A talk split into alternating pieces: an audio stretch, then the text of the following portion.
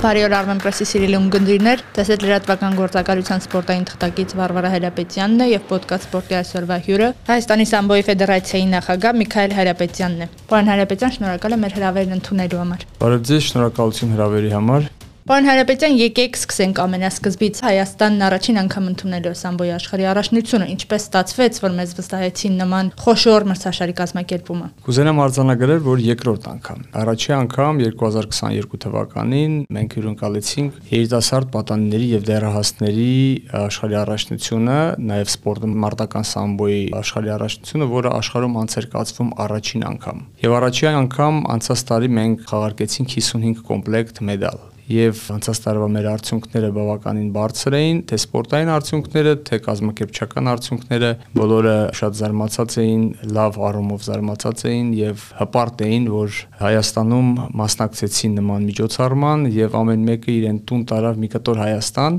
եւ վերադարձի ցանկությունը այնքան շատ էր, որ միջազգային սամբոյի ֆեդերացիան երկրորդ անգամ նման բան չի լինում աշխարհում, երկրորդ անգամ հնարավորություն ընձեռնեց ամենամեծ միջոցառումը մեծահասակների աշխարհի առաջնությունը 2023 թվականի նոյեմբերից 10-ից նոյեմբերի 10-ից 12-ը նաև անց են կացնելու Հայաստանում մոտ 70 երկիր հաստատումը տվել են, փորձում ենք ձգտել ավելի շատ երկրներ, որ կարողանան գան մասնակցեն, այդքանը կասեմ այս հարցի պատասխանին։ Եվ հաջորդ ամենակարևոր հարցը, ինչպես են ընթանում նախապատրաստական աշխատանքներ, արդյոք համալիրը արդեն պատրաստ է նման խոշոր մրցաշար ընդունելու։ Մեզ մոտ յուրաքանչյուր փուլ իրեն ընթացքով գնում է, ոչ մի տեսակի ուշացումներ չունենք, կարող ենք ասել։ Համալիրը պատրաստվում է իրեն կազմակերպիչները մեր պատրաստվում են բոլոր փուլերին, եւ վստահ եմ, որ մրցումների մեկնարկից 4-5 օր շուտ արդեն մենք կունենանք ամեն ինչը պատրաստ ցուցադրման, մի խոսքով ամեն ինչ նորմալ է։ Եվ ինչ խնդիր ունենք մեր արժև դրված ընդունելով աշխարհի առաջնությունը, արդյոք նոր մակարդակի բարձրացնելու նմանատիպ մրցաշարերի կազմակերպչականը, թե այլ ավելի բարձր նպատակներ ունենք։ Գիտեք, արդեն փորձառու ենք միջազգային նման միջոցառումներ անցկացնելու։ Մենք սկսեցինք միջազգային մրցումներից աշխարհի առաջնություն, հիմա էլ մեծահասակների աշխարհի առաջնությունը։ Արդեն փորձ ունենք անցկացման եւ աշխատանքը գերատեսչությունների հետ բավականին սահուն գնում են։ Վստահ եմ, որ Հայաստանը այն երկիրն է, որ պատրաստ է հյուրընկալել ոչ միայն Սամբոյի աշխարհի առաջնությունը, նաեւ այլ մարզաձևերից աշխարհի եւ Եվրոպայի առաջնություններ, որովհետեւ այդ պոտենցիալը մենք ունենք եւ կազմակերպչական բոլոր թիմը սկսված մեր նախարարություններից, գերատեսչություններից եւ կառավարություններից հստակ պատկերացնում են նպատակը եւ նպատակին հասնելու բոլոր քայլերը։ Ասացիք, որ պատվիրակությունները դեռևս հաստատված 70-ն են, արդյոք ցկտելու ենք, ինչպես օրեր առաջ մեծ զրույցում Կարեն Գիլոյանն ասաց, որ ուզում են գոնե 100 երկրի մասնակցությունը ապահովել, արդյոք մեր խնդիրը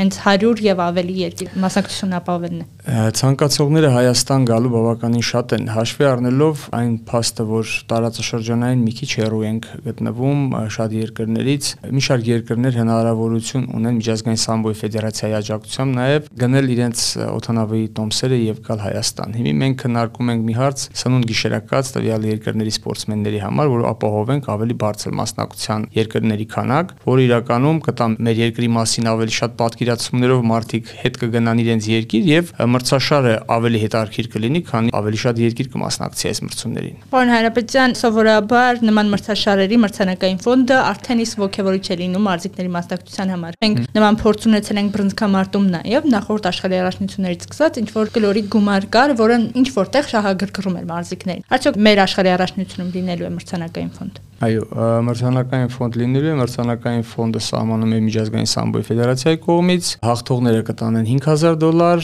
երկրորդ տեղը 3000 դոլար եւ երկրորդ տեղերը 2000 դոլարներ։ Եվ վերադառնալով, այսպես ասած, մեր երկրպագունների ակնկալիքներին, ինչպիսի կազմով ենք ներկայանալու։ Արդեն ունենք ընտրած թիմ, թե մարզիչները դեռևս չեն կողմնորոշվել։ Մեր թիմը ընտրված է, մենք մասնակցել ենք 21 սպորտսմենով, 7 տղամարդ սպորտային մարզաձև սամբոյով, 7 տղամարդ մարտական սամբոյում եւ 7 կին սպորտային սամբոյում։ 21 մարզիկ, 21 քաշային կարգ ունենք, 21-ում էլ ունենք մեր սպորտսմենները։ Եվ որպես ֆեդերացիայի նախագահ ինչ է ակնկալում մեր մարզիկներից եւ որը կլինի մեզ համար այն ցանկալի եւ նվազագույն ցանկալի եւ առավելագույն ցանկալի արդյունքը։ Մենք բավականին երկար ենք պատրաստվել այս միջոցառմանը։ Մեր սպորտսմենները այս պայն ուսումնամարզական հավաքի մեջ են, որտեղ որ մեր մասնագետները, մարզիչները աշխատում են նրանց հետ, հոգեբանական նաեւ աշխատանք է տարվում, որ իրենք պետք է սա միջազգային ամենակարևոր գորգն է եւ ստեղ մենք պետք է կարողանանք մի քանի պատրաստվածականությամբ հանդես գանք, հա, եւ սպորտային եւ համբերատարությամբ, որովհետեւ ոսկիներին մոտիկանալու աշխատանքը ինքը շատ նրբանկատ մի գործ է։ Վստահ եմ, որ կկարողանանք տրամադրել մեր սպորտսմեններին։ Վստահ եմ, որ մեր Հայաստանի սամբոյի ֆեդերացիան եւ մարզիկները մեր հասկանում են իրավիճակը։ Շատ դժվար իրավիճակ է այսօր հայերի համար, բայց այսօր ողջևորում է մեզ, որ մեր երկրում անց է կացում նման մրցաշար եւ մենք պատրաստվել ենք դրան հոգեպես, հոգեբանորեն, ֆիզիկապես, որ կարողանանք փայլենք եւ վստահ եմ, որ փայլերը կտեսնենք։ Պարոն Հարապետյան, սովորաբար աշխարհի առաջնություն հյուրընկալել դա իսկապես մեծ պատիվ է։ Նաև տարիների աշխատանքի արդյունք է, որ Միջազգային ֆեդերացիան սկսում է մեզ վստահել եւ տալ նմանատիպ մրցաշար կազմակերպելու հնարավորություն։ Դուք երկար տարիներ ֆեդերացիայի նախագահի պաշտոնում եք, կուզենայի, որ ինքներդ ամփոփեք այն աշխատանքը, որ ֆեդերացիան տարիներ շարունակ տարել է եւ հասել այն գագաթնակետին, որ հյուրընկալում է աշխարհի առաջնություն։ Ես հպարտության կարող եմ ասել, որ ես Լևոն Հայրապետյանի որդին եմ։ Լևոն Հայրապետյանը Հայաստանի սամբոյի ֆեդերացիայի երկարատև նախագահ բան ա եղել։ Սամբոյի ընտանիքը մի օր ընտրեց որոշում կայացրեց, որ ես պետք է շարունակեմ իբրև Սամբոյի ֆեդերացիայի նախագահ եւ այդ օրերից հետո մենք նաեւ ընդունելով հին փորձը, այն արմատային կարելի ասել ֆունդամենտը, որը որ մենք ունեինք, դրա վրա կարողացանք զարգանալ մի քիչ ուրիշ մարտահրավերներով, այսօրվա մարտահրավերները հասկանալով, գնահատելով, քայլերի հերթականությունը ճիշտ դասավորելով եւ մենք կարողացանք արժանանալ այդ պատվին։ Իրականում դա շատ հպարտանալու մի բան է, որ այդ պատիվը մեզ տվեց տվեցին, այսինքն որ Հայաստանը կարող է, քանի որ մեր կազմակերպչական բոլոր քայլերը դուրսը, երբ որ մենք միջազգային մրցումների ենք եղել, մեր պահելաձևը, մեր գորգում, մեր վարվելաձևը, ամեն ինչը ցույց ենք տվել, որ մենք համար առաջինն ենք եւ կարող եմ ասել, այո, մենք առաջիններից մեկն ենք եւ վստահ եմ նաեւ դա է հնարավորություն տվել, որ մեր երկրին են այս պատիվը տվել, մեր պատմությունը, մեր ով լինելը եւ նաեւ մեր պետության հյուրընկալությունը։ Ես կարող եմ ասել եւ շեշտակի ասել, մեր պետությունը Օլիմպիական կոմիտեն, բոլոր սպորտային գերատեսչական մարմինները եւ բոլորը պատրաստական կանգնած են, որ Հայաստանում սպորտը զարգանա, սպորտսմենն էլ դա զինվոր է, այս գոտու զինվորն է եւ մեր զինվորները պատրաստ են մարտի Եվ երկրպագուին հետաքրքրող ամենակարևոր հարցը լինելու է մուտքը տոմսով եւ որքան են արժանալու տոմսերը։